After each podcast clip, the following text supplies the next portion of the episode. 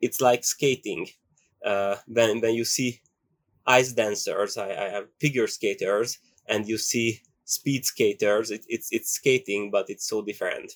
So back to your question, for me, high altitude mountaineering is a special kind of mountaineering that I really love. But as you said, I'm doing all sorts of other mountaineering and climbing too. Nepal, when we compare mountains in Nepal, usually we compare them to other 8000ers or other big mountains. And usually we compare them to Pakistan and we compare them to, to Tibet. And Tibet for me is, is this big flat thing. It's, it's unforgiving. It's like a Western movie, windy, frozen. The sun is unforgiving uh, the air is harsh and uh, the mountains are very old. Ridgeline usually is like this flat and old and uh, and that's it. And there's a certain beauty to tibet. It's this big emptiness. You feel like the sky sky will fall on you. And then when you come to nepal it feels like there are these huge pillars mountains and they are supporting the sky. Uh, now again i'm still not talking about nepal. If you go to pakistan it's another you are going up if you are going to baltoro and there are many other regions. But if you are going to Baltoro, you are walking up on this long glacier, and there are these huge uh, cathedral-like mountains surrounding you. It's it's a, a, unique environment again, different from Tibet. It's it's like the, the castle of Fra- Frankenstein. Uh, so that's another. And in the middle there is there is Nepal. And what's unique about Nepal, I think, is the multi-layeredness. There are so many mountains that have so many layers. I love layers. You go to Manaslu, for example, and you start walking through this tropical jungle like environment with, with, with these big you know langur big monkeys and uh, and and uh, bamboo forest. The bamboo forest is like a kung fu movie. And then you you walk into another type of forest. You might walk through a rhododendron forest. And then you start to reach the area where the trees are are are not so dense and and it's like uh, like Transylvania, a shepherd's shepherd's cottage might be there. And then you arrive to the land where there are only pastures, temporary pastures.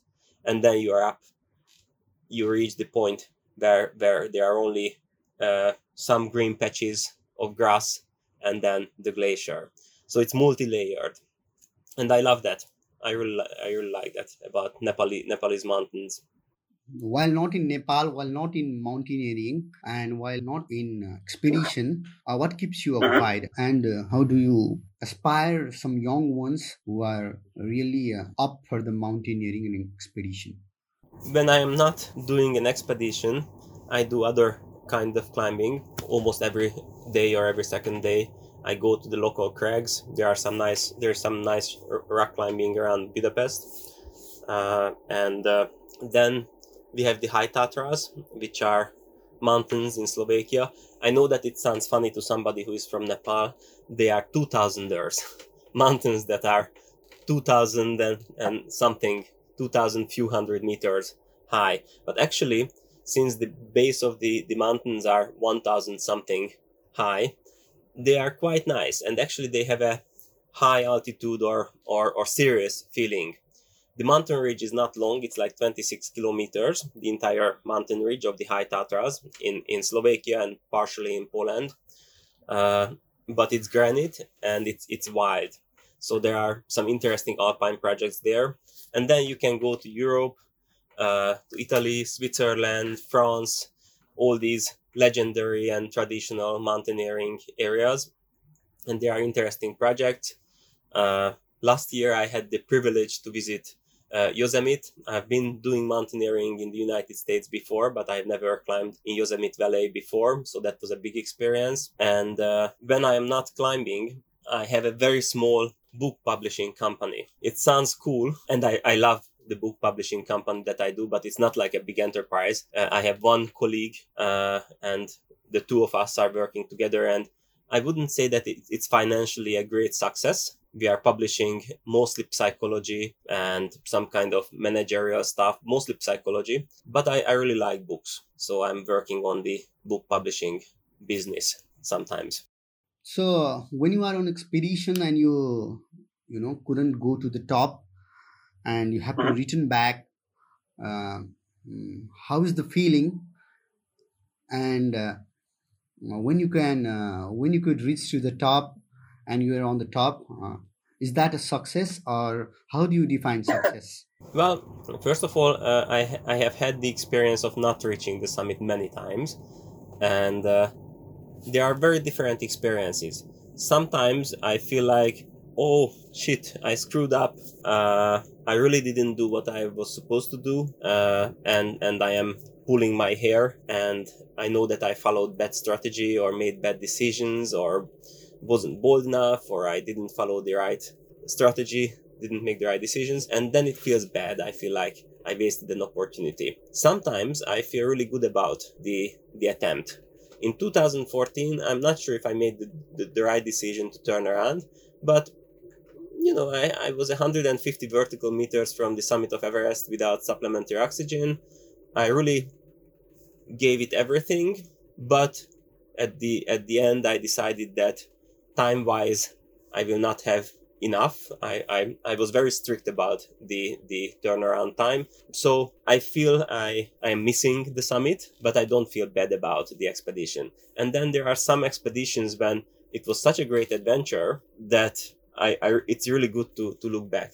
In 2001, for many months, uh, the five of us, five climbers plus three guys in base camp, we were at the east face, the Kangshung face of Everest. And that was a very unique experience because for many months there were no other human beings around us. And we were climbing this multi kilometers high, beautiful system of wall of, of, of rock, rock and ice face.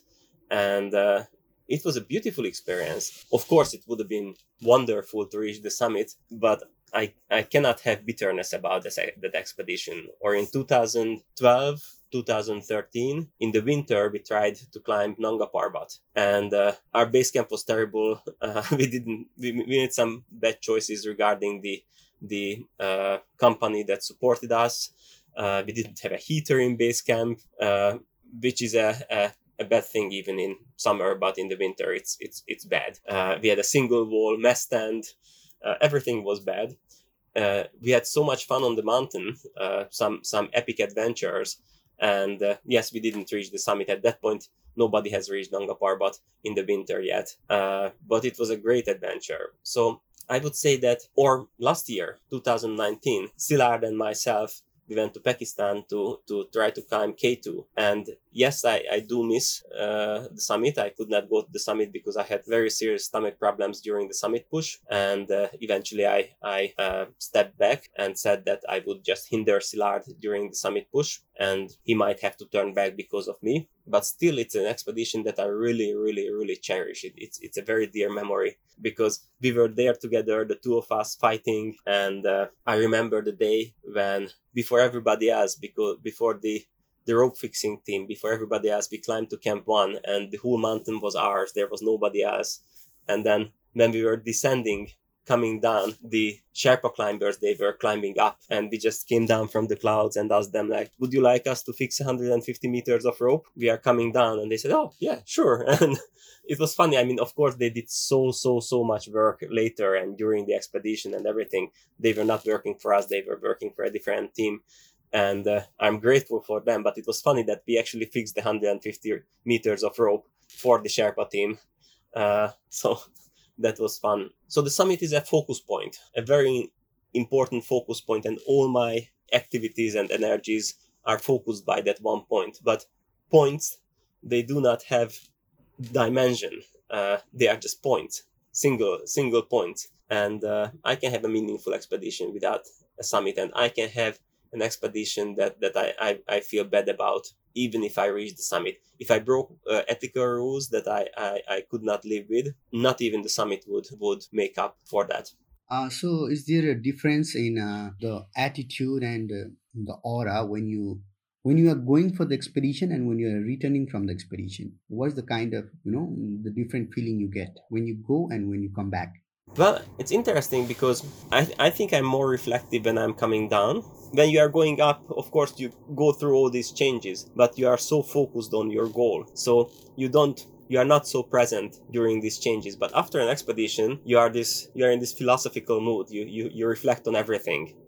And i really like the process at least the first half of the process. I really like when you leave base camp. That's a big experience because again people see the big mountains so they think that you move so much you have so much freedom. But actually most of the time you are limited in space. Uh, and then you leave the boundaries of base camp and it's it's like crossing the the border of a new country or something. Uh, and then you see all these natural changes. Uh, water starts to run. And that's a big experience because before that water was this this uh, hard media media medium uh, ice and then then the air becomes richer and your wounds start to heal because of the, the richness of the air because of the oxygen. And uh, then you see the first uh, patches of soil of earth and then uh, you might see some bushes and then and all the all these changes uh, when you are coming down from a mountain they are very strong they are very vivid. And during these external changes you keep talking to your your climbing partner or friend and and you reflect on the expedition and it's a, a great experience. I don't like running down from a mountain uh, or or well, it's fun. It has happened to me once that, or twice that I came down. Yeah, twice that I came down with a helicopter. It was fun, but it wasn't as as, as much fun as, as actually walking down and, and going through all these changes. And then you reach the the first village, and first it's like, wow, you are here soon we will i don't know drink a coke or or i don't know eat something some junk food or or anything. And then I usually experience sadness that, oh, well, this is great that we are going home and we are going to see our loved ones and, and our families and everything. But but it's over and you cannot escape. There is always some sadness in this. And then I sit into a, a jeep. I get into a jeep and the jeep starts moving. And I, I remember last year the thought came to me that after two months these are the first few meters that my body moves without me moving my body. Now, in everyday life, you are so used to moving around without doing a physical effort. You get onto the bus, you sit on your bike, uh, you drive your car, and so forth. It's an, it's an everyday experience. There are, there are almost no days when you don't move around without making a physical effort. But after two months, these are the first few meters that I am moving without me doing anything. And that's, that's a very interesting, disturbing thought. And then, then you enjoyed civilization. Uh, I cannot deny that I do enjoy civilization a lot after uh, a multi-month expedition uh, in the big mountains. I, I would eat pizza or I would eat a, a chicken biryani or, or whatever. And, uh, and then, of course, when you fly home and you, you meet your family, it's a big experience. Uh, once Szilard, my my climbing partner and friend, he said that for him the catharsis, catharsis doesn't come on the summit, but when the when the automatic door at the airport opens and he sees his family. Now, of course, Szilard is a family man. He's he's got a wife and a child. Uh, so yeah, I cannot imagine uh, that kind of experience. I, I, very, very, very much look forward to seeing my girlfriend, and it was great when I saw him. But I don't have children. But then you have to adjust to, to normal life again, and there are some interesting things. I remember going to the toilet uh, at the airport after the expedition, and we don't drink the water. We don't drink it in Kathmandu, and we don't drink it in in in in. There are no taps in base camp or on the mountain. You have to work for the water on the mountain. You have to melt it, cook it, put something into it so it doesn't make you sick. And in Kathmandu, you have to be careful so you doesn't, you know, screw up your stomach. And I went to the toilet and I opened the tap and there was water co- coming out and I could just drink it. And and I was like, wow, this is huh, this is interesting. You don't have to work for electric electricity. Just go to the wall and plug your thing in. Uh, it's not like you have to put out your solar panels and collect the electricity and be worried that you won't have enough to charge all your essential gadgets. Uh, so it's interesting. The readjustment is interesting. Okay, so I don't want you to retire, but have you ever thought about it? You know, not really. Uh, I know that it sounds interesting.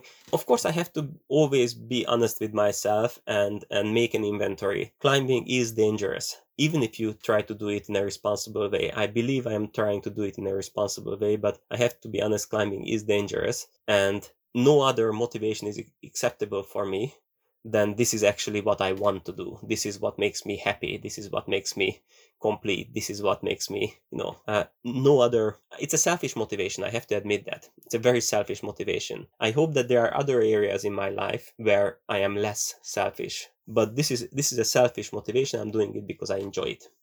Uh, I have to have an honest conversation every year with myself that David, you are not doing it because you've you've been doing it for a long time. Yes, okay. David, this is really what makes you happy. This is what makes you whole. So far, every year when I ask the question, the answer is yes. This is what I want to do. So that's one question, and the other question is that what can you do? Uh, how is your body changing? I am 44 now. I, I don't feel weak or I don't feel too old. Uh, but yes, there will be changes. And I take warm up now much, much, much more seriously than 20 years ago. Uh, 20 years ago, I, when I went rock climbing, I thought that these old guys, they were probably my age, they are just, you know, they are just showing off doing all these warm up exercises. Now I do all the warm up exercises. Uh, so, luckily, climbing and mountaineering uh, is such a diverse family of activities that there will be something for me at every age. Mountains can give me something at every age. And at the end, probably I will be, hopefully, I will be very old and I will be walking around with a stick on a very small mountain or hill. And that will be my mountaineering. And I am, I am happy with that. Yeah, so uh, we are now at um, on the verge of end of our podcast. So, what would you like to have? You have been through a long journey of mountaineering.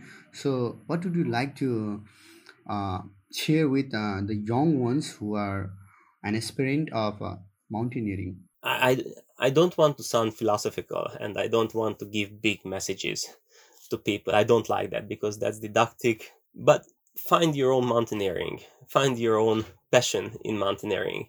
I know what I what, what motivates me in mountaineering. Uh, I, I remember the feeling of discovery and adventure and camaraderie and and and and fear and overcoming fear and understanding fear and dealing with fear uh, from my young age and uh, the excitement and the freshness of the moment and uh, find the kind of mountaineering that gives you these feelings uh, and then that's your mountaineering. Ask questions from yourself every year over and over again. So make sure that you are still doing the mountaineering that you're you you, you want to do uh, and and change it. Uh, mountains are are big and we are it's a cliche but we are small.